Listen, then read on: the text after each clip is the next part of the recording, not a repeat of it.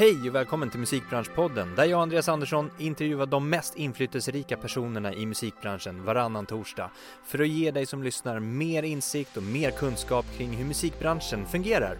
Idag har vi ett riktigt intressant avsnitt som jag verkligen har längtat efter. Jag pratar med ingen mindre än artisten Petter. Petter som är en riktigt driven entreprenör, både när det gäller sin musik men även utanför där han jobbar med alla möjliga olika projekt och företag.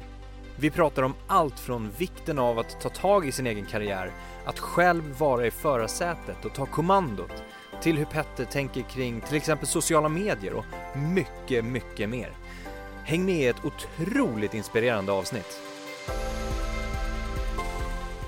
Petter, varmt välkommen till Musikbranschpodden. Tack, kul att vara här. Det är riktigt kul. Uh, jag ser jättemycket fram emot vårt snack. Skönt att snacka om musik i alla fall. Eller musikbranschen eller någonting sånt. Eller hur? Nej, men vi ska prata om andra saker. Men... Jag kan tänka mig det. Vi ska prata om ganska många olika delar. Men jag tänker så här vart man börjar någonstans i mm. din ända. Du är ju överallt känns som. Alltså tittar man på din Instagram så kan det vara du börjar i Åre en dag. Ja. Mellanlandar på träningspass i Stockholm. Västkusten, swimrun. Hur hinner du med allt?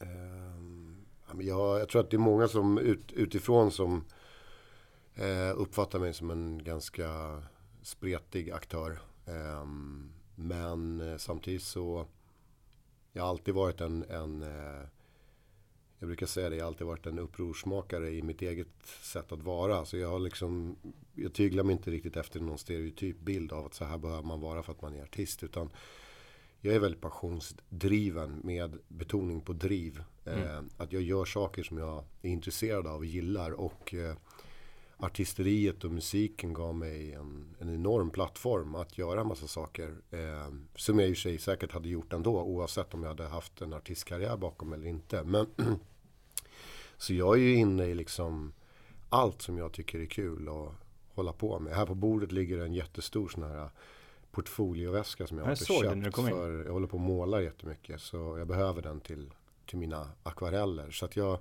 jag är inne i det och det har jag ju sig gjort hela mitt liv. Men jag har plockat upp det väldigt mycket nu. Så att det är så här. Det är saker som händer hela tiden. Jag kommer från studion, jag skrev en ny låt idag. Så att jag är så här, det händer saker. Ja. Känner du någonstans att det blir lite mycket ibland? Eller?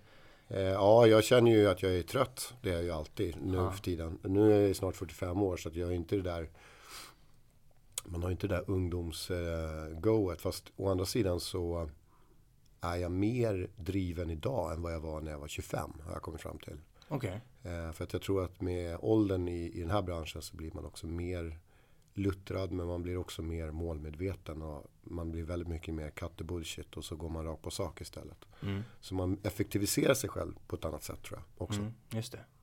Men eh, jag tänker, vi ska prata lite om ditt artisteri. Eh, mm. Men entreprenörskapsdelen också och titta på hur du blandar det med ditt varumärke och så vidare. Mm. Um, men hur balanserar man det här, tänker jag just artisteriet och entreprenörsdrivet? Eh, för mig tror jag att det kommer väldigt naturligt för att eh, jag tror att det kan vara så att det kan bli spretigt för vissa människor. Ehm, um, hur, hur, man då, ja men hur kan du hålla på lite där och sen gör du lite där och lite där. Men för mig passar det ganska bra för att är man då hyperaktiv som jag är och har en milt sagt svårt med fokus ibland och koncentration när jag inte är super, super intresserad. Så är det ju så att jag, när jag är intresserad av någonting, när jag tycker att någonting är väldigt, väldigt kul, då blir det verkligen på riktigt för mig hela vägen. Men sen är det ju så att efter, efter ett tag, det finns en viss brintid på det där. Så mm. när den liksom har brunnit ner den, den, det ljuset så eh, har jag liksom ingenting mer att ge just då. Och då är det ganska bra att koppla på någonting annat. Och sen så kan jag gå tillbaka till det här som jag höll på med. Eh, och så håller jag på sådär och balanserar runt de här olika det är liksom som små bollar som är i rullning hela tiden. Så nu rullar jag på en boll och så, så när jag tröttnar på det då rullar jag på en annan boll. Och så håller jag på sådär. Och det som kan bli det negativa i det där det är att eh, att jag kanske måste byta boll när jag egentligen vill vara kvar där jag egentligen är. Och det kan störa mig ibland. Så att, eh, ofta är det att jag kanske vill vara längre i studio eller jag vill göra mer i studio. Och så är det så här, ja men du måste göra de här sakerna för det är, är saker som jag behöver göra. Just det. Eh, men jag har varit också ganska noga med att inte tumma på mitt konstnärskap eller liksom jag hatar när det går ut över det. För det får det inte göra. Och det har det gjort några gånger kanske under min karriär så här ordentligt. Men inte, inte på flera, flera år tycker jag i alla fall. Ehm, så, att, så länge jag för det är, ändå, det är ändå det viktigaste för mig fortfarande än idag. Eh, om någon frågar mig vad gör du för någonting? Då säger jag, ja men jag är artist och textförfattare. Det är vad jag är. Det är vad som står på mitt visitkort om jag skulle ha ett visitkort. Mm. Men sen är det ju så att jag säljer vin, jag driver hotell, jag driver krog, jag är kreatör, jag håller på med massa, ja men du vet, jag gör ju massa saker. Så, mm, mm. så är det ju. Swimrun. Ja, arrangera lopp. Till exempel. Ja, till ja. exempel. Ja. Men, det, men det, i grund och botten är det ju någonting som du är liksom passionerad över. Ja, det är det ju. Och sen så är det ju så också, det finns en, en, en, en generell benämning på allt det här och det är att allt hänger ihop. Mm. Eh, och för mig gör det det. Och ehm, eh, jag var ju också med under en bransch som, jag har varit med under en bransch som har förändrats väldigt mycket. Speciellt i sitt distributionssätt. Mm. Om man pratar om att en gång i tiden sålde vi en plastbit och alla skivbolags-VDs eh, drack kryg och flög första klass. Och eh, sen så kom det en, en, en diskbänksrealism när alla laddade ner musik och det var Pirate Bay, Napster och allt vad det hette, LimeWire. Och sen så fick alla panik och sen så blev det streamingen. Liksom. Jag har ju lärt mig navigera i det där klimatet men också att faktiskt eh, utveckla mitt eget uttryck i form av vem jag är och hur jag är. För att när jag slog igenom som eh, rappande kille liksom från Söder och rappade på svenska så som jag gjorde så var det ju också på ett sätt som att eh, det fanns ju så mycket koder och regler. Man skulle förhålla sig på ett visst sätt. Och, eh, man skulle ha vissa kläder och, och, och det, var, det, var, väldigt mycket så stereotyper. Eh, och någonstans i det där så kände jag också väldigt ofta när jag gjorde intervjuer att jag fick sådana här stereotypa frågor som att så här, kan man hålla på med den här musiken eh, när man kommer därifrån du kommer eller ser ut som du gör. Det var så frågor som jag fick. Eller kan man rappa på svenska? Eh, hur länge kan man rappa? Mm. och, och, till slut så blev jag, så, eller ganska snabbt blev jag ganska provocerad utav det där. Så då blev jag liksom lite rättshaverist och någonstans i det där så blir jag också så här, ja men vet du vad? Fuck alla er, jag gör precis som jag vill. Och om jag springer runt i en våtdräkt och ni tycker det är larvigt så skiter jag i det. Eller om jag sen börjar hålla på och jobba med det och det företaget för att jag eh, kränger mina skivor så eller att jag når ut till massa andra människor eller vi har ett samarbete eller vad det nu är för någonting. Så skiter jag i det. Mm. För mina rapidoler gör det som jag ser upp till. Eller vad det nu är. För att jag också en tidig jag var ju en av de första artisterna i Sverige att verkligen göra den grejen. Liksom branscha ut på riktigt och börja tänka entreprenörskap. Alltså mm. verkligen så här, vad kan vi göra mer än bara det här? Och det handlade liksom inte, för mig handlade inte det så mycket egentligen i grund och botten bara om ekonomi. För det är många som tror att det, här, men det handlar om pengar, för man vill mm. ha mer pengar. Exakt. Alla vill tjäna pengar. Och det är ju inget konstigt att folk vill tjäna pengar och ha bra lön på sina jobb eller vad det nu är för någonting. Men i mitt fall så tror jag, om jag ska vara helt ärlig, är det så att vi hade gått tillbaka i musikbranschen och plastbiten fortfarande snurrade och skivbolags fortfarande halsade kryg och flög första klass så hade jag ändå varit sådär entreprenörs liksom benägen. Mm, det tror jag. Mm. Så att det hade inte riktigt bara med, med min situation att göra. Att jag skulle liksom hålla mig flytande i en bransch där, där vi liksom inte fick intäkter för musik. För att jag hade ändå turen att fortfarande ha en ganska bra fanbase som fortfarande liksom lyssnade på mig. Och, jag började livespela långt innan den här krisen kom.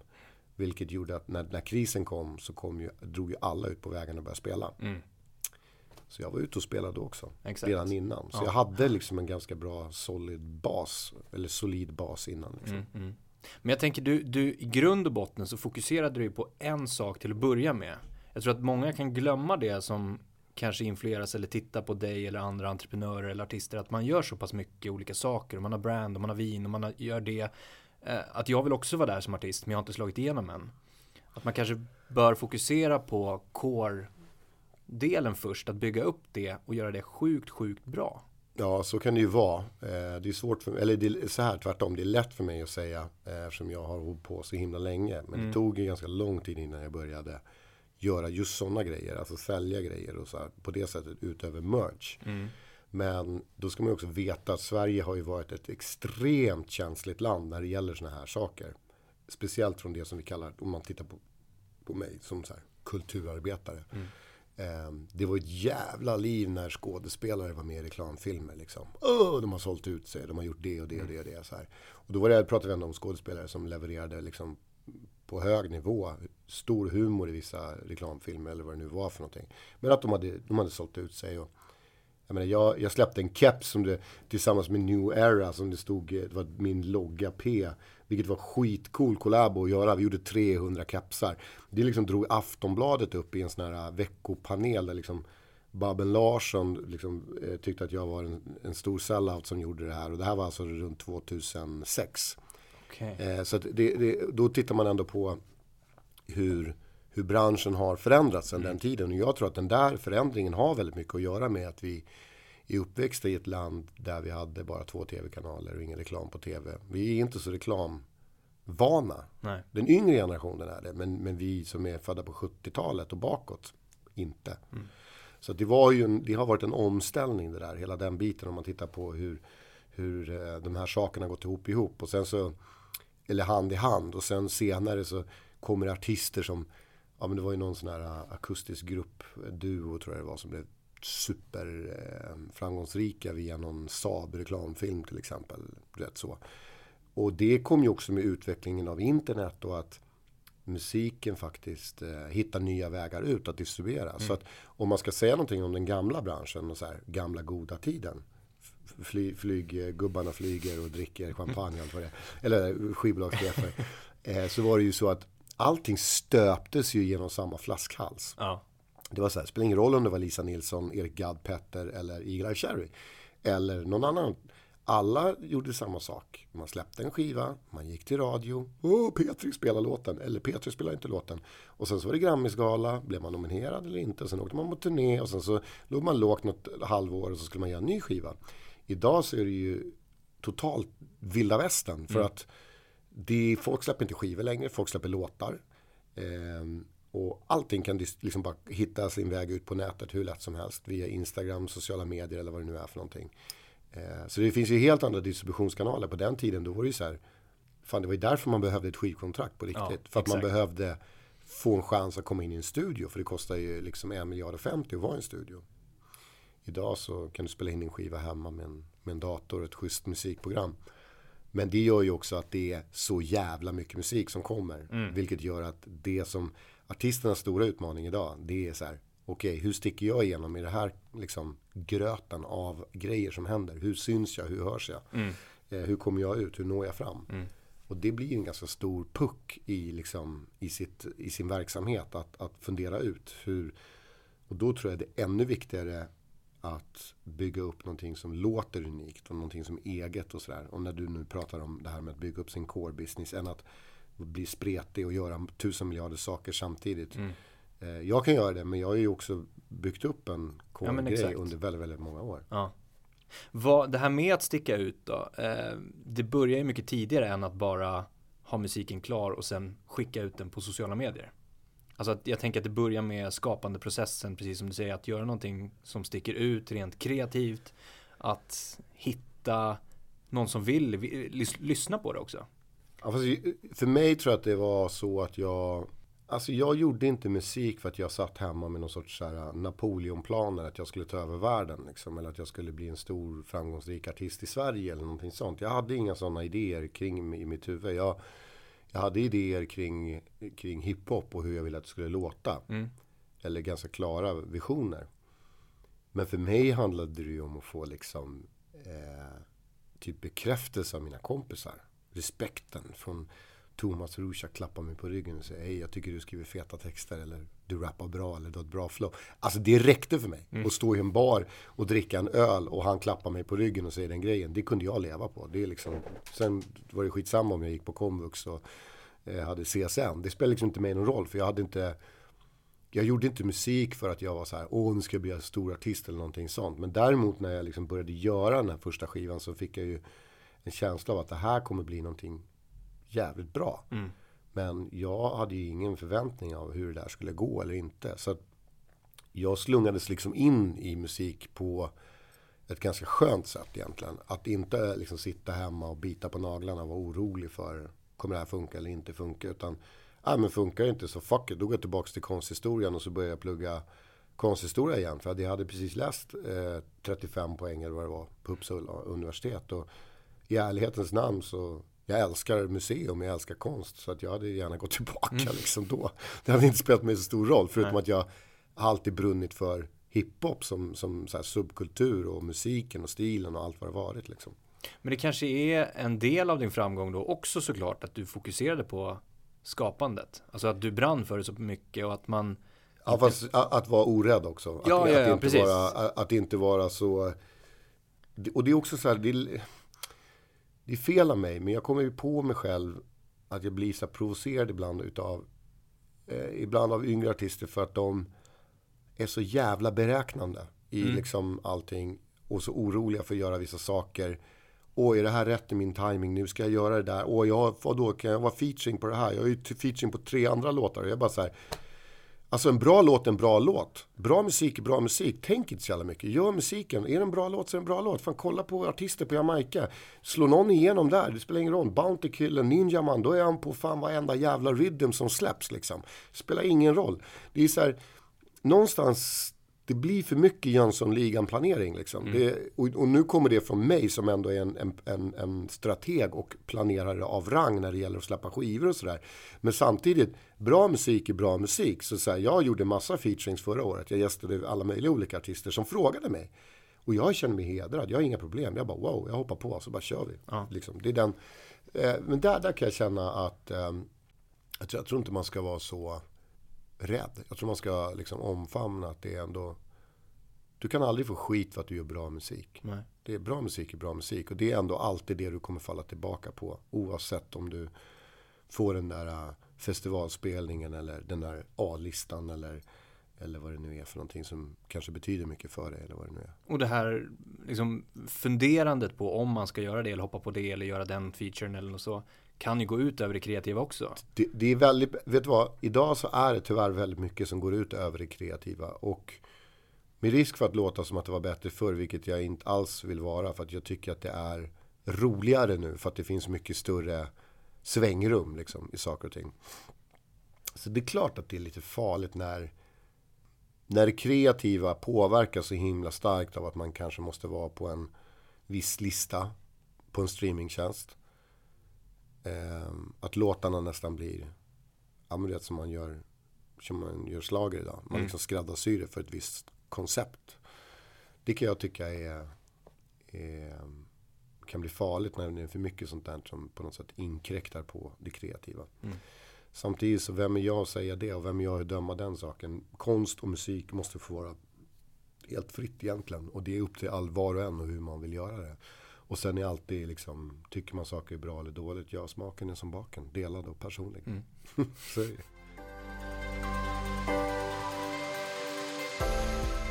Har du någon gång åkt på ett alltså, riktigt, riktigt bakslag någon gång i din karriär? Eh, ja, ja, absolut. Jag åkt på massor. Jag, eh, jag, om man ska liksom titta på min, mina 20 år som så här, artist så tror jag att eh, jag slog väl igenom jättehårt med liksom mitt sjätte sinne och Bananrepubliken som blir liksom dubbelt så stor nästan. Och så, så blir det väl kanske någon sorts övermättnad eller folk har så här, jaha nu vet vi vem man är. Och det blir en, en nedgång. Och sen hade jag en ganska tuff resa från typ 2000, ja, 3, 4 fram till 5. Vände någon gång vid 6 där. Men då vände det inte med någon sorts liksom, jättesnabb vändning. Utan det var, jag vände ju ett hangarfartyg. Så att det liksom, tog ju lång tid att klättra tillbaka. Mm. Så det är klart att det finns eh, specifika händelser som har varit eh, eh, jobbiga eller liksom tuffa att gå igenom eller vad det nu är för någonting. Men hur tacklar du en sån motgång? Eller hur? Nej, men jag har alltid, vet du vad, sen är det så här, jag har alltid känt så här. När jag gjorde min första skiva, då visste ingen vad de förväntade sig när min musik kom. Och sen när andra skivan kom, då blev det som att så här, Eh, eftersom den var så otroligt mycket mer uppdaterad i sitt, sitt sound till hur det lät just då. Så, så blev ju det en jätteskjuts. Sen blev det ju en enorm påfrestande situation för mig för att liksom följa upp den skivan. Eh, och där någonstans så, så fick jag ju en massa sån prestationsångest och liksom så här. Hur, hur lever jag vidare med det här? Mm. Men sen har jag alltid blivit, jag har känt så här, det var väldigt många som började ifrågasätta så här, kommer han, kan han göra det igen? Blir du taggad av det? Ja, jag blir det. Ja. Jag blir liksom provocerad för att jag alltid måste bevisa mig. Ja. Och än idag måste jag göra det. 2018 så är det, var det fortfarande så att jag måste liksom så här. Jaha, okej, hur kommer det här låta nu då? Mm, vad kan han göra nu liksom? Så, här, så det är alltid. Jag har den där Rocky Balboa-grejen i mig. Så här, du kan slå på mig skitmycket och jag kan ta jävligt mycket smällar. Men sen jag kommer ställa mig upp, jag kommer slå tillbaka, jag kommer slå hårt. Och, och det tror jag har varit en, en morot för mig att hela tiden gå in i en studio. Men också verkligen försöka utveckla mig själv. För att jag har sagt det ofta i intervjuer så här, att varje skiva är som en bergsbestigning. För att bara för att jag har gjort en skiva som har varit framgångsrik eller lyckad eller ja, låtar som har varit bra. Så kan jag inte tänka så här, nu går jag in i samma studio och gör exakt samma grej igen. Och så bara för att det funkade förra gången. För att det är ungefär som att det bestiger samma berg. Det blir tråkigt för dig, det blir tråkigt för mig. Och det låter inte så spännande. Så jag försöker hela tiden hitta nya saker och försöka utveckla mig själv så mycket som artist. Rent textledes, eh, teknikmässigt, soundmässigt. På alla plan. Och det tror jag också har gjort att, att jag känner den här jag har sagt det ofta, även fast jag vet att jag kanske inte är det, så har jag sagt att jag känner alltid som att jag slår från ett underdog-läge. För att jag måste hela tiden, jag är den här gamla rapparen som liksom följer med hela tiden och som hänger kvar som en jävla flatlus som jag brukar säga. Och de blir liksom inte av med mig, hur de än försöker så är jag liksom kvar i gamet. Och jag är fortfarande, förra året var 2018 släppte tre skivor på sex månader och eh, var en av de tio liksom, mest streamade artisterna på Spotify enligt någon lista som jag såg. Och, och, och då, då kände jag så här, fan fuck it, fan vad kul. 18 året, 20 år gamet och jag gör mitt bästa år. Mm. Det var ganska roligt att veta det, att, jag fortfarande kunde göra det liksom. Och det blir jag, det blir jag liksom taggad av. Sen är jag så här, jag är inte den nya katten i, i, liksom på, på spelplanen. Men, och det har jag inga problem med. Utan jag känner att det är inte det det handlar om. För mig handlar musik så himla mycket idag om eh, det kreativa. Att få det här kreativa utloppet. Precis som jag gillar att måla. Jag vill, så här, jag vill, jag vill få ut någonting. Jag vill, ber- jag vill säga någonting. Jag vill berätta någonting. Och faktiskt om jag ska säga någonting som jag vet att jag ändå har varit duktig på. Så har det varit att skriva personliga texter. Jag kan skriva text utifrån min egen situation och gräva där jag står. Och det är det som jag tror gör mig relevant som artist. Att jag fortfarande det är att många bryter igenom med en jättestark image när de, när de debuterar. Skulle jag ha den imagen som jag hade när jag var 24 år, sprang eh, liksom rakad och arg på Kocksgatan. Vet, det skulle bli ganska fånigt idag. Idag är jag en fembarnspappa som ja, fyller 45 i maj och går på hälsokontroller. Liksom. Det är så här, och äter medicin mot högt blodtryck. Förstår jag. Då får man rappa om de sakerna. Ja. Du vet, för annars blir det liksom inte på riktigt. Det blir Nej. inte äkta. Och det är det som jag tror gör att jag fortfarande finns kvar. För att jag, jag, jag, jag faktiskt växer med min egen mognad i min musik och i mitt skapande och uttryck och så som jag vill, vill vara. Liksom. Ja. För jag upplever dig att du ger väldigt mycket i det du gör. Alltså oavsett om det är dina texter, precis som du säger, att du ger väldigt mycket både av dig själv men också liksom rent energimässigt i det du gör. Ehm, och att vad du, är det det du får ut av det också, det här äh, som du var inne på precis nu? Ja, men jag, har, jag är väl rätt så här. En polare till mig som har varit lite så här. Ibland har han varit lite mentorfigur för mig. Och eh, ehm, Han är äldre än mig men, men har jobbat liksom högt upp i reklambranschen. Och han, han sa det att du är väldigt lojal plikten. Mm. Alltså att en, en allting måste utföras. Eller det brukar jag prata om när jag föreläser. Du måste detaljsäkra som jag brukar säga. Alltså du måste göra det bästa du kan. Du kan inte vinna alla, men du kan vinna genom att göra dig det bästa du kan. Och det är ungefär som den brukar jag anamma när jag springer till exempel. Och det brukar jag också prata om då att det lärde jag mig i musikbranschen. Det var ju det här, just den här situationen. Jag har släppt två skivor som har gått som två jävla skuddmissiler, hur bra som helst. Och sen nu ska jag göra tredje skivan. Då börjar du liksom i din egen så här, prestationsångest och nervositet av att så här, rädslan för att kommer jag klara av det här, kommer jag duga? Så börjar du titta på alla andra. Du blir stressad av vad andra gör. Det kommer konkurrenter, så kallade kollegor.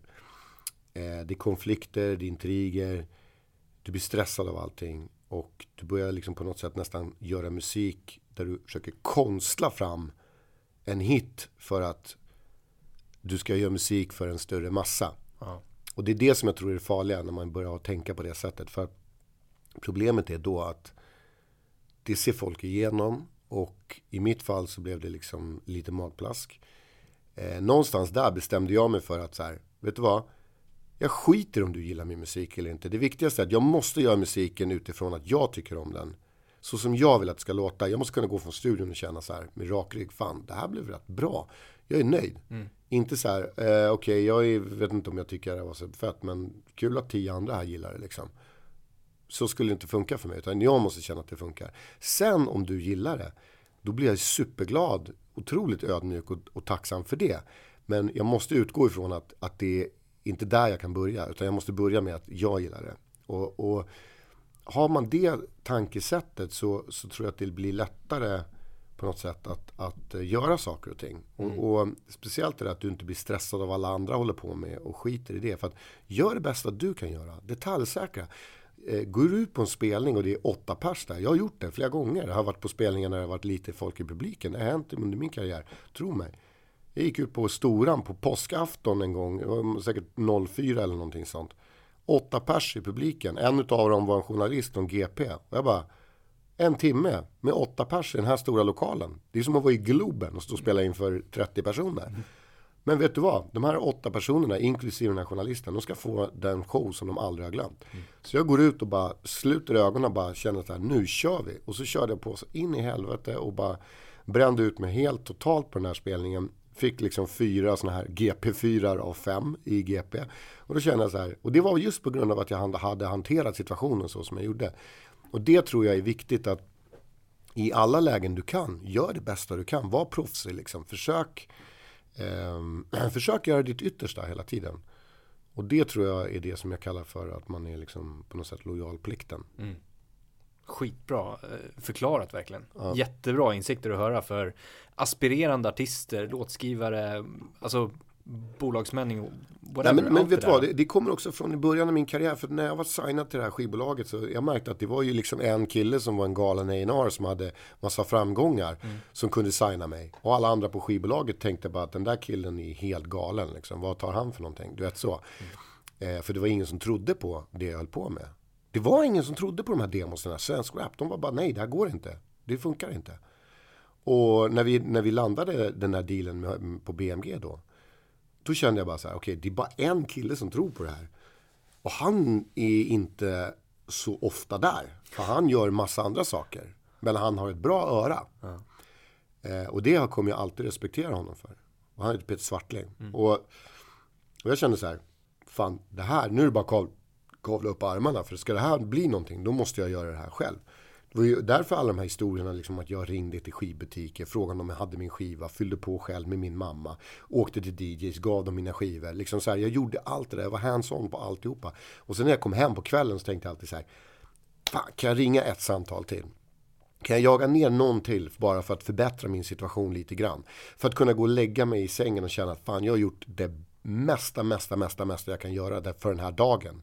För att sen nästa morgon vakna upp och bara, nu kör vi och det, jag gick till alla intervjuer för att jag ville hålla ner kostnaderna för artisterna skulle tycka att jag, eller skivbolaget skulle tycka att jag var en bra business liksom. Att, att jag inte var en artist som kostar massa pengar för man har hört skrönor om artister som brände massa pengar i onödan och liksom typ åkte limo eller vad det nu var för mm. någonting. Liksom. Så jag tänkte så här, jag gick till alla artister. Så jag var ju trådsmal. Jag var ju fan den mest deffade snubben under 98-99. För att jag, du vet, jag käkade nudlar hemma med keso. Och sen så gick jag till varenda jävla intervju. Så jag hade ju säkert 30 000 steg om dagen liksom. För att jag knallade runt överallt. För att jag ville vara en bra affär för BMG. Och hela tiden känna så här, jag gjorde mitt yttersta. Och det tror jag liksom det handlar om i slutändan. Och det är det som jag känner fortfarande att jag har det drivet. Att jag inte blir jag blir inte eh, jag blir inte slapp liksom mot, mot eh, själva eh, utförandet. Mm. För hade jag blivit det, skulle jag bara släppa skivor idag bara så här slentrianmässigt. Ja, men jag släpper skivor för jag behöver få in lite, lite deg nästa sommar eller vad det nu är för någonting. Det, det är liksom, då kommer inte jag hålla på med det här. Nej. Och då har jag sagt till mig själv att då kastar jag in handduken. För att jag vill inte bli en artist som fejdar ut liksom. Utan det, det, det, när jag slutar då ska det kännas som att jag slutar på en värdig punkt. Mm. Men just nu tycker jag att det är jävligt kul. Och jag känner fortfarande att jag har det här drivet att liksom eh, göra saker och ting fullt ut så mycket jag kan. Fan, jag hade inte suttit här annars liksom. Det är det. Så det handlar ju liksom om att varenda jävel som skickar meddelanden till mig på Instagram. Hej, min, min syrra ska gifta sig. Kan du skicka en hälsning? Det vore så himla snällt. Skickar jag direkt. Jag har, jag har Alice som jag jobbar med, som är en fantastisk människa som jag jobbar med. Hon och jag har så här, jag skickar till henne. Du kan se här. Står jag så här, okej. Okay, eh, vilka hälsningar har vi idag? Här, spelar jag in. Så gör jag det varje dag. Wow. Jag har skickat så mycket bröllopshälsningar så att jag börjar tro snart att jag är en institution på bröllopen. Du vet, det finns, det finns valsen och sen finns det Petterhälsningen. De bara, vi kör kaffet efter Petterhälsningen. Så här, så här, bröllopskonsulter sitter och planerar så här, med bridezilla. Så här. Ja, sen har ni kaffet och sen kommer vi, kör vi, vi tycker att Petterhälsningen lägger vi nog där. Nej, men skämt åsido, men att liksom så här försöka vara, jag, det här är ju de som, de som skickar de här meddelandena till mig, det är liksom folk som faktiskt lyssnar på mig, som ja. gillar min musik. Ja.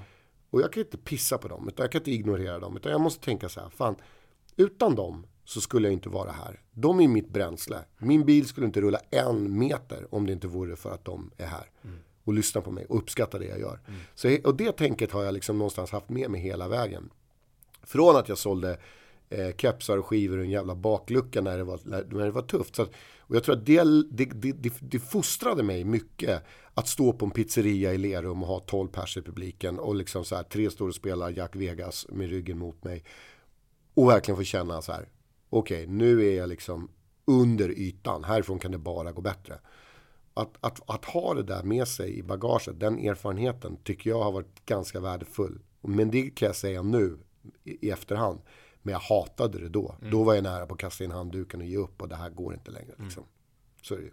Men det är just det här tänket som du sa, att du tog det i egna händer när du signade med BMG. Eh, alltså att du skulle bevisa, inte att nu, nu kommer livet leka efter det här, utan att du jag tror att många artister idag behöver höra det. Alltså ja, när man jag, blir signad jag, till exempel. Jag, det var nog många som tänkte så här, du vet när man får ett skivkontrakt, ja. ah, nu är det klart. Ja men exakt, och jag tror ja. att det fortfarande är så. Men man behöver höra men är det, det från så? det. Jag tror inte att det är så. Jo men alltså jag pratar ju med jättemånga liksom up and coming artister som känner att säga wow, nu är det safe. Sen det, finns det jättemånga som, som har det drivet som du också sa. Ja, men jag har på i 20 jobba. år, jag tycker fortfarande att det är fan ganska shaky fortfarande. Så att jag, det här är, för det första, det vill jag säga till alla som, som ger sig in i musikbranschen. Alltså att vara artist, nu pratar jag inte producent, för producent är mycket tryggare. Eh, artist, det är ett riktigt jävla hokus pokus jobb. Alltså det, det är ett fantasijobb. För det finns liksom ingen trygghet i det här. Det finns inga betalda semestrar. Det finns inga jävla fallskärmar, inga pensioner, ingenting.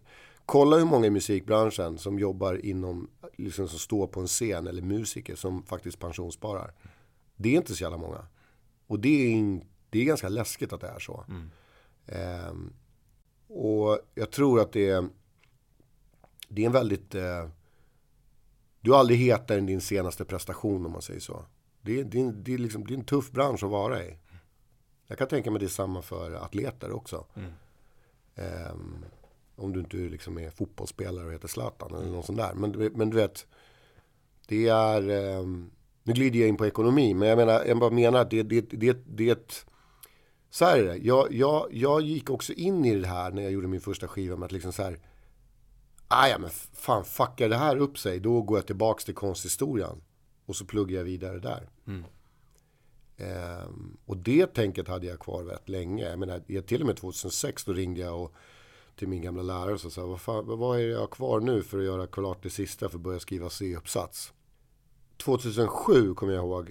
Då är jag alltså nästan, nästan tio år in i min karriär. Då, när jag släppte God Damn It. Det var en skiva med Logiskt och Goda Dagars Magi och de här låtarna. Där någonstans tänkte jag så här.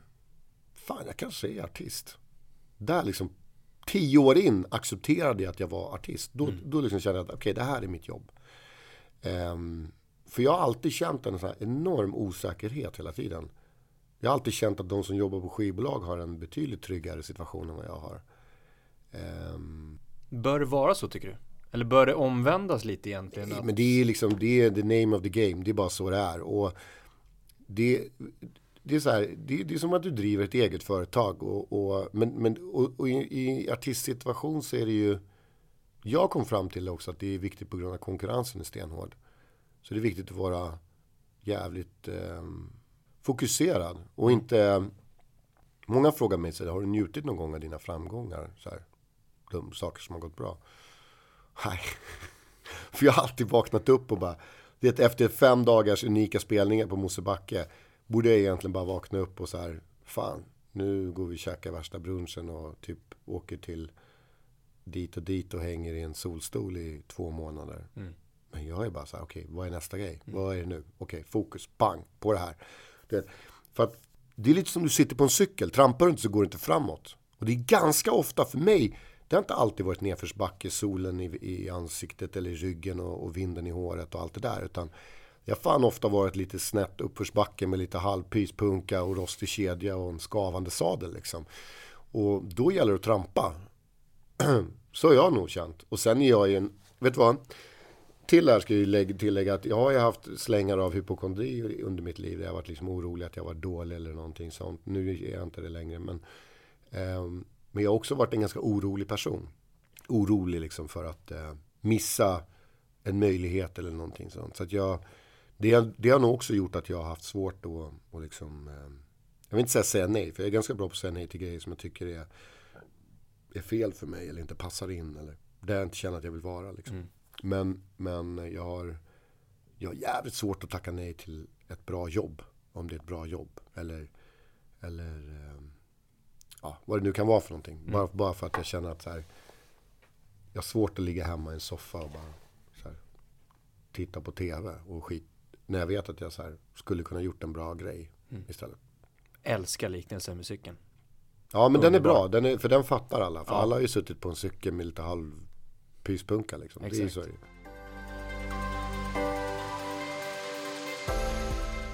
Du, jag tänkte vi ska snacka lite kort bara, eller kort, vi ska gå in lite mer på ditt varumärke, alltså hur du mm. ser på det. Um, vi pratade lite om att du, ja men du klassar dig som liksom, artist, låtskrivare, textförfattare. Um, jag ser mig inte som ett varumärke, även om nej, folk nej, tycker nej, nej, precis. Men, men... Däremot så har jag ett varumärke som heter PLX. Ja, precis, om man pratar vin. Mm, det är kopplat, ja fast PLX kan vara precis vad fasiken som helst egentligen. För det är någonting som jag har hittat på och, ja, ja. och, och, eh, reggat. Och okay. liksom um, Och det kan vara allt möjligt som jag tycker är kul an, liksom. och tar mig ja. an och gör.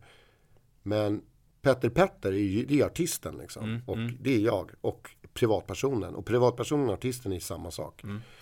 Men du var inne på att så men du skiter ju fullständigt i vad folk tycker. Eh, om det du gör egentligen. Att så länge du känner att du kan förmedla det du står, att du står för det du förmedlar. Ja, men jag, så här, jag skiter inte vad folk tycker, för det, det låter lite drygt att säga. För det, det, det, det är klart att jag bryr mig om vad folk tycker och tänker om mig. Och jag bryr mig om hur folk uppfattar mig. Mm. Men sen är jag människa, jag gör bort mig, jag gör det konstant, mellanåt, liksom, på olika sätt. Jag har ett hett temperament, jag försöker föra mig i alla olika sammanhang, men ehm, jag, eh, jag har en ganska påig, drivig stil. Att jag liksom vill jag någonting så driver jag verkligen igenom det. Jag har svårt att acceptera vissa nej, liksom, i vissa lägen. Mm. Eh, och jag tycker att det är kul att göra mycket olika saker som jag är intresserad av. Mm. Så när jag rabblar upp alla grejer som jag håller på med, då, jag har en för, liksom, på, när jag pratat för, för ungdomar om så här, vägledning i livet och vad man kan bli och inte så här, så pratar jag väldigt mycket om min skola och min bakgrund och att det är ganska så här, ja, det är svårt i skolan. Men det är många som har och det är många som känner igen sig i det. Men då brukar jag alltid säga så här, okej, okay, men min bakgrund till det här, så vad jobbar jag med idag? Och så presenterar jag liksom 30 olika titlar som jag ändå faktiskt kan kliva in i. Mm. I, i yrkesroller. Eh, och det är ju saker som jag tycker är kul att göra. Allt är passionsdrivet. Men jag tänker även om, alltså ditt pet, om man säger Petter, gå tillbaka till det. Eh, som artisten Petter, så är det ett, ett artistvarumärke, ett personligt varumärke på något sätt som du ändå utstrålar. Eh, håller du med? Nej, för att jag... Liksom det är mer här, personen Petter. Ja, ja, jag har så svårt att säga personligt varumärke. För då börjar jag tänka på så influencers och liksom ja, okay, ja. den grejen. Men jag vet inte, jag ser mig inte riktigt som det heller. Eh, Um, Men om vi bara går in på så här, typ sociala medier. Ja. Um, du är väldigt aktiv till exempel på Instagram. Mm. Um, har du en plan för det du lägger upp där? Alltså, det roliga är, jag är ju extremt oteknisk som person. Och eh, inte alls speciellt duktig på saker som har med liksom datorer och internet att göra. Men jag hade någonting på min hemsida som jag kallar för dagbok. Mm. Och det hade jag redan 2001. Eller 2000-2001. Och det är det som senare blev blogg. Och jag skrev där för att jag tyckte att det var kul att skriva. För jag märkte att det var roligt att skriva av mig. Så jag skrev, och jag skrev extremt personligt. Eh, om saker och ting. Och sen började liksom tidningar snappa upp det där. Linda Skugge gjorde någon harang om någon, någon krönika liksom, som hon skrev om mig. Jag hade skrivit någonting om min son. Jag hade bråkat med hans mamma eller vad det var. Jag skrev ju väldigt personligt liksom. Ja. Så. Um, så jag fattade inte det där att det kunde liksom tryckas ut i tidningar sen. Och sen så kommer det här med Twitter. Jag bara, fan är det för någonting? Och så börjar man hålla på med det. Och sen så kommer Instagram och liksom hela den grejen. Um, och jag tror att där, tittar man på ett influencerkonto idag så är det ju ofta det är nästan som, om man bara scrollar det snabbt så här mm. så är det nästan som en färgton rakt igenom. Ja, för att de använder samma filter på allting och det är samma bilder. Mm. Inte samma bilder men det är så olika bilder. Det är ja, kanske inredning och det är lite. Känsla. Ja det är en känsla. Och, och jag, jag, lägger ingen judgment i det alls. Utan det är så här wow, kul att du håller på med din grej liksom. Men det är inte det jag gör, utan Nej. jag gör ju en dagbok. Liksom, ja. Mer så här, ah, okej, okay, nu är idag var jag tränat. Och jag skiter i om jag tar bilden och den är liksom dåligt tagen eller vad det är. Och jag kan lägga ut bilder på hästbajs eller jag kan lägga ut bilder på liksom det och det. Sen, ja, PLX Prosecco, självklart. Ja, jag trycker ut något sånt då och då. Det gör jag. Ja. Och jag trycker ut lite olika saker.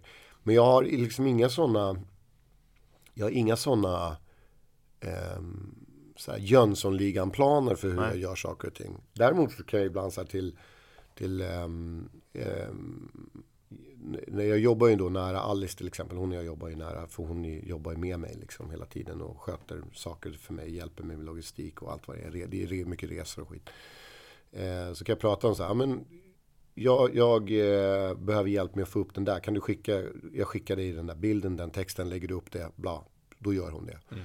Eller vad det är. Men, men jag gör ju alla mina grejer själv. Och jag, jag på något sätt så är jag ju också eh, jag vill att mitt konto ska vara liksom, det ska vara min vardag så som den är. Mm. Och alla grejer som jag lägger upp som har med PLX att göra eller någonting, det är, ju, det är ju saker som jag är involverad i eller jobbat med.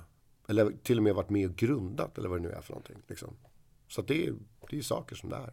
Kan du känna ibland sådär, i och med att du postar ganska mycket ändå och du ser det som din dagbok, att folk förväntar sig att du ska uppdatera och att du får någon slags press på nej, om du inte, inte, gör det? Nej, inte det minsta. Jag menar, nej. jag har haft så här perioder där jag bara, jag orkar inte lägga ett skit och så gör jag inte det. Hör du från folk då att, men vad händer? Vad, nej, men någon, gång, någon gång jag var liksom inne i en svacka så här, låg lågt i någon en och en halv eller två veckor, kanske tre veckor. Då kanske folk börjar fråga så här, vad har hänt? Vad gör du för någonting? Vet, så där. Men det är, jag, samtidigt så här, ja men, nej, men jag behöver inte svara på det om jag inte vill. Nej. Samtidigt som jag känner så här att ibland tycker jag att det är skitkul. Då lägger jag åtta bilder på en dag. Mm.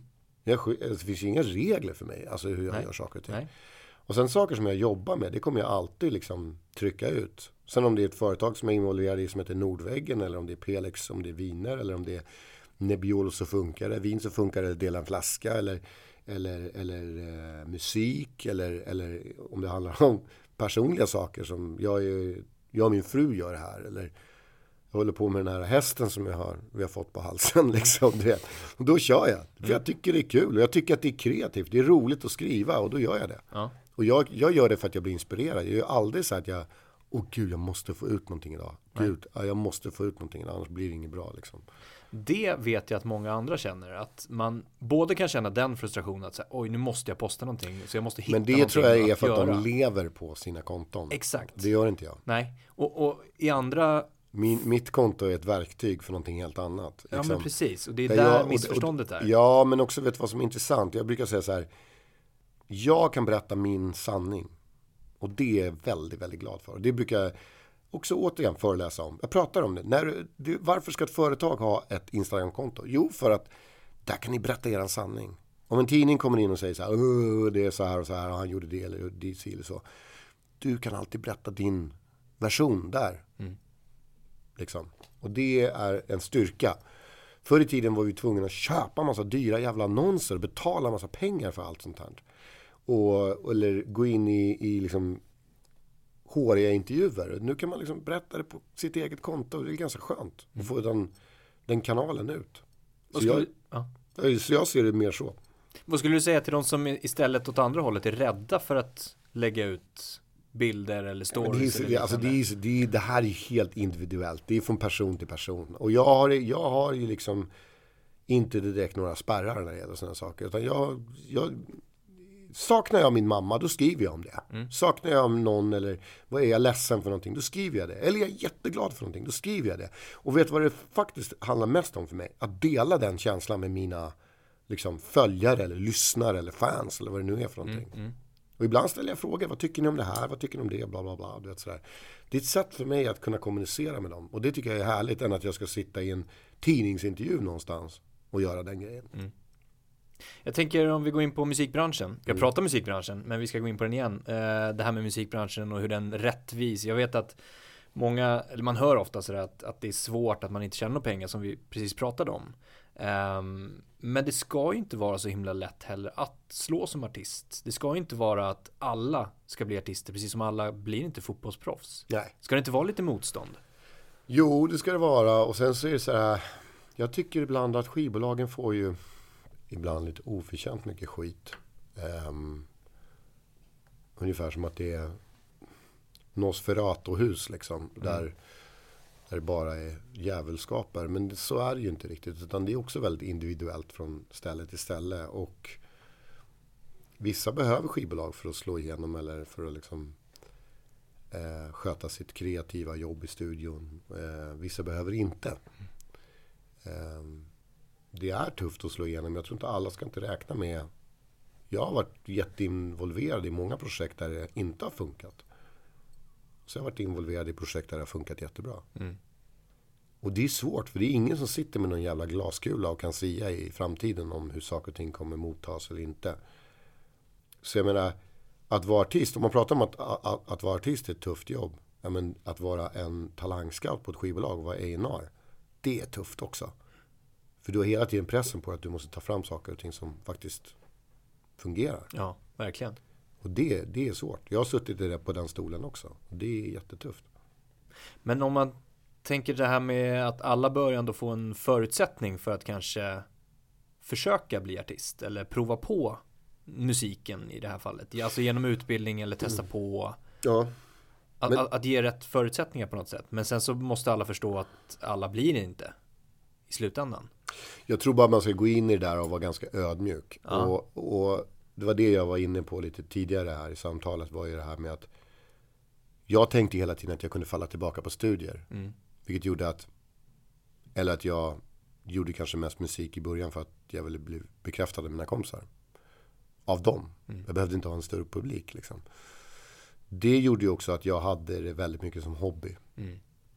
Och det brukar vara mitt eh, absolut hetaste tips till eh, unga blivande musiker, artister, grupper. Var så här, fan gör det för att det är en hobby. Mm. Ha det som en super, super kul grej. Ni kan göra det sju dagar i veckan, 24 timmar om dygnet. Men ha det som en hobby. Och se till att ha en plan med någonting annat i livet. Där du liksom har ett jobb eller en utbildning Dessutom, det är inte fel att utbilda dig. Det är inte fel att liksom skaffa dig en allmänbildning och, och lära dig saker och ting. Gå kurser eller vad det nu fan är för någonting. Komvux eller vad du nu gör för någonting. Samtidigt som du gör de här sakerna. Det värsta, det är när du träffar sådana här som bara ah, fy fan, nu ska jag satsa på musiken. Jag har bara sagt upp mig. Jag har tagit liksom lån på huset för att köpa den här synten och nu kör vi liksom. Och, jag bara, och det på något sätt ska göra dem mer berättigade att bli artister. Mm. Det stämmer inte. Det är snarare tvärtom. Det blir nästan oftast magplask. Utan jag tror på att så här, gör grejerna för att det är kul och för att det känns bra. Jag träffade en, en tjej som sjunger som är jävla duktig och som slog igenom eh, ett tag och försvann sen från scenen. Och så träffade jag henne nu så här så bara eh, Vad gör du nu? Så här. Hon bara, ah, men jag bara kände, jag fick nog, jag tog en paus och nu börjar jag plugga på KTH. Jag bara, wow grymt. Hon bara, ja och nu började jag faktiskt, nu har jag börjat med musik igen vid sidan om. Och det är så himla kul. För nu gör ju hon det också förutsättningslöst. Utan massa krav och liksom eh, press på sig att hon måste liksom prestera och lyckas. Och då kan ju musiken komma mycket mera mer ur glädjen, förstår du? Det Exakt. värsta du kan ha på dig är en jävla blåslampa på att du måste leverera en, en stark låt eller vad det nu är för någonting. Ehm, och, och det tycker jag var, jag bara, det där var, det kan ha varit nästan så att du borde få ett Nobelpris för den där manövern tyckte jag. Liksom. Men du vet, det, är Mm. Nej, jag så, det, är ett smart, det är ett smart move. Ja. Så hoppa inte. Ha något vid sidan av. Ja, men jag tror det och liksom Sen kan det vara så här, oh, men jag, jag kan bara vara kreativ. Okej, då är det en, en variant att det är så. Men i den mån det går, tycker jag. Men du kan vara kreativ i många andra Ja, saker och sen nu också. låter, nu, det, det, jag, jag hör ju mig själv här nu. Det låter ju som att jag sitter och liksom drar någon sorts framgångsrecept här. Men det är inte det det handlar om. Jag tänker bara så här, det är så jag tänker i alla fall, Ja. utifrån mig. Exakt. Sen är inte det att det passar inte alla. Nej. Och det måste man ha klart för sig också. Och alla artister vill inte ha Instagram. Alla artister vill inte skriva personligt där eller vad det nu är för någonting. Så det, det är så här, allting är ju individuellt. Ja, och det är del i den här podden att vi visar upp alla delarna. Det Ja. är, det finns många delar att göra det på, eller olika sätt att göra det på, Mm. så ska jag säga. Vi ska gå in på lite avslutande tips och råd sådär som du ska få ge. Eh, om du skulle ge tips till dig själv som ung aspirerande artist. Om du fick gå tillbaka och så bara, fan Petter, tänk på det här. Ja, massa saker. Det är, alltså, den listan är, jag skulle kunna skriva en bok om det. Nej, men det är så här små saker. Först är det detaljer som där.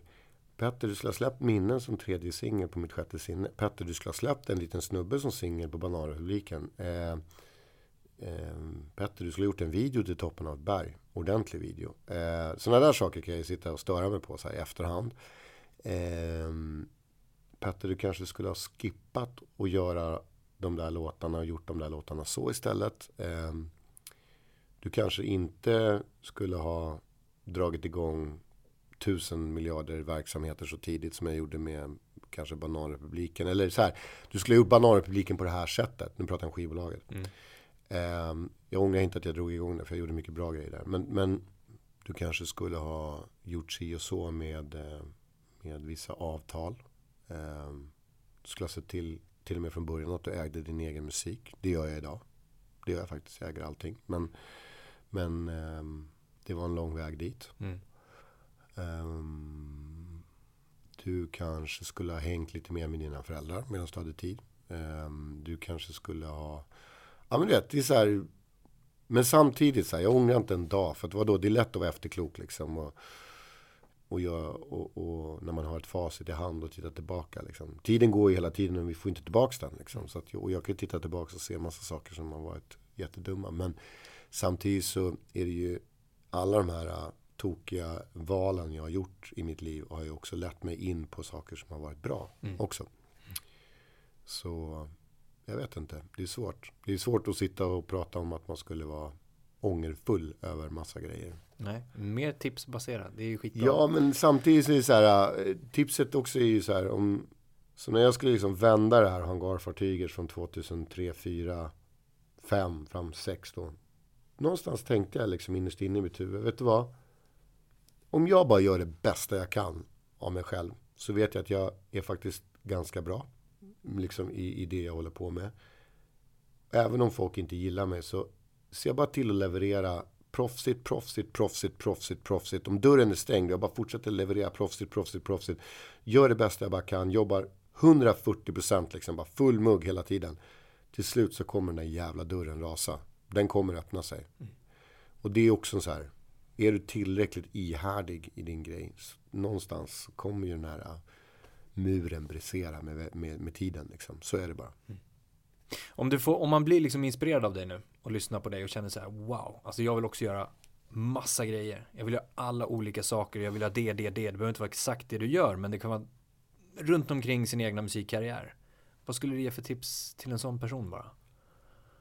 Nej men att inte, det är, det är väl roligt, det är många som skaffar sig managers i Sverige och det är alltid så här, manager. Oh. Manager är ofta folk som är ganska dryga och jobbiga att ha att göra med och eh, eh, på något sätt hitta någon sorts funktion mellan två personer. Vilket, jag vet inte, i Sverige, av artister artist i Sverige, jag har ingen manager och, och då vet jag att det är ganska många andra som kanske inte behöver det heller. För vad ska de människan göra? Knyta ner skor eller liksom köpa toapapper till? Eller vad är det de ska göra för någonting? Det är ganska mycket grejer som du kan klara själv. Om du har ett bra förlag så kan de hjälpa dig med massa, eh, allting som har med STIM och den biten att göra. Skaffa en bra jurist. Du vet, skaffa dig, framförallt vad du ska skaffa dig, skaffa en agent. Alltså inte en manager, utan kanske någon som kan hjälpa dig att ta fram någon sorts smart plan på hur du nu ska liksom expandera och bygga ditt, din grej så som du vill göra det. Och framförallt ha en, ha en bra plan själv. Nätverka med människor. Eh, förstå också att människor är olika.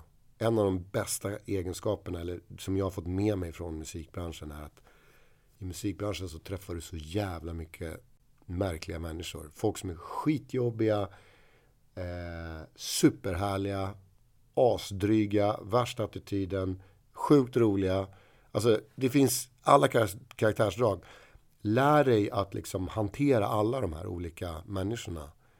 Eh, för det har varit en styrka för mig att jag har kunnat göra det. För att ibland så har, vet jag att jag har jobbat med människor där två stycken verkligen hatar varandra. För att de klarar inte av varandra. Men jag, jag, jag fixar båda. Och det bygger du ett större nätverk på. Du lär känna mycket människor. Och det, är liksom det, det tror jag också är en viktig del i hela nätverket också. Mm. Du ska få en fråga från föregående gäst som är Annika Forsberg. Hon bokar eh, musikgästerna på Skavlan. Okay. Hon frågar, när insåg du att du ville jobba inom musikbranschen? Ja, men det är som jag sa tidigare, det är liksom som i två steg. Det är så här, jag, jag lärde mig det, eller jag insåg det först när jag, att jag ville göra en skiva. Men jag såg mig inte själv som en aktör i musikbranschen. Alltså jag, när jag fick Grammis nomineringar då där, det tyckte jag bara så här, vad fan är det här? Varför ska jag, jag gå på det här för? Jag håller på med hiphop, jag håller inte på med Grammis. Så tänkte jag. Alltså jag, jag kände mig, jag stod utanför etablissemanget, alltså det vill säga branschen. Och sen som jag sa till dig tidigare, 2007, runt Gardami-skivan, där någonstans så insåg jag att jag var en artist. Så att någonstans där skulle jag vilja påstå att jag liksom kände mig så här, okej, okay, jag är väl en jag är väl en del av musikbranschen då jag känner mig fortfarande väldigt mycket som en outsider. Jag känner mig väldigt mycket så här. Jag menar, journalister som skriver om mig idag, de skriver ju ofta, när de ska skriva om min musik så skriver de, det är som att de har ett formula liksom, att de, de skriver gärna väldigt, väldigt mycket om allt annat jag håller på med, än om själva musiken. Eh, om jag säljer hamburgare eller om jag eh, kränger vin eller vad jag nu gör för någonting. Mm. Allt annat liksom utom musiken. Det är, det är det som de stör sig så jävla mycket på det. Och de är så otroligt inpräntade i att han rappar, han måste göra det här. Han måste vara på det här sättet. Annars är han inte en riktig rappare. Liksom. För, vet du vad? För helt ärligt svar på frågan. Jag, jag tror inte ens jag vill vara en del av musikbranschen. Det låter jävligt flummigt att säga så. Men även fast jag kanske är det då. För att det är så. Visst folk ser mig som artist och, och, och liksom en kille i branschen. Men, men jag håller mig jävligt mycket utanför. Jag gillar dem jättemycket, de som jobbar på mitt skivbolag. Men jag är där max två gånger om året känns det som. Så jag håller mig väldigt, väldigt utanför. Jag är i studion och jobbar med dem jag jobbar med i studion. Och sen tar jag, gör jag musik och sen är jag ute och spelar. Men jag går inte så mycket på branschmingel och sådana här grejer. Jag håller mig ganska borta från det. Du ska få ställa en fråga också till mm. nästa gäst. Yes. Utan att veta vem gästen är. Ah, okay. Vad vill du ställa? Um, hur långt planerar du fram i tiden med dina med din musik och dina liksom eh, drag framåt? Okay. Och varför jag ställer den frågan är för att jag själv har en ganska långa planer framför mig hela tiden. Jag är rätt klar med vad jag ska göra fram till 2021 ungefär. Wow. Ja. Och om det inte är en... Uh, Sen är det klart att den där tweakas ju den planeringen hela tiden. Och jag jobbar ju med en agent såklart. Mm. Som är skitnära mig och som är asbra. Alice också. Och liksom alla runt omkring. Och vi smider planer liksom.